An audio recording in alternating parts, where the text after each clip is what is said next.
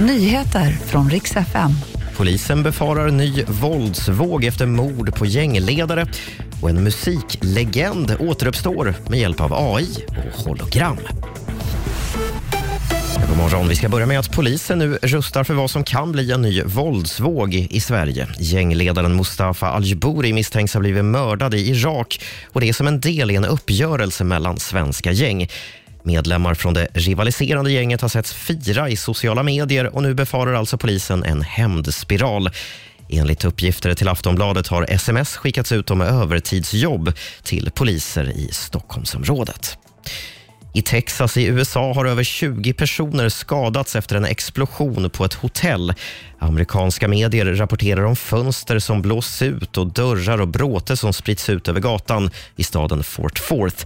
För fyra av de skadade beskrivs tillståndet som kritiskt. Vad som orsakade explosionen är ännu oklart, men flera personer vittnar om gaslukt både före och efter händelsen. Och till sist, efter succén med Abbas Avatar-konserter i London har turen nu kommit till Elvis Presley som ska återuppstå i hologramform.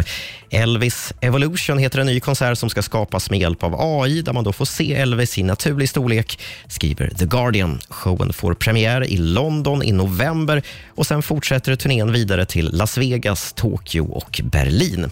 Tidigare har ju också rockgruppen Kiss meddelat att även de tänker förvandla sig till avatarer. Och det var de senaste nyheterna. Jag heter Robin Kalmegård.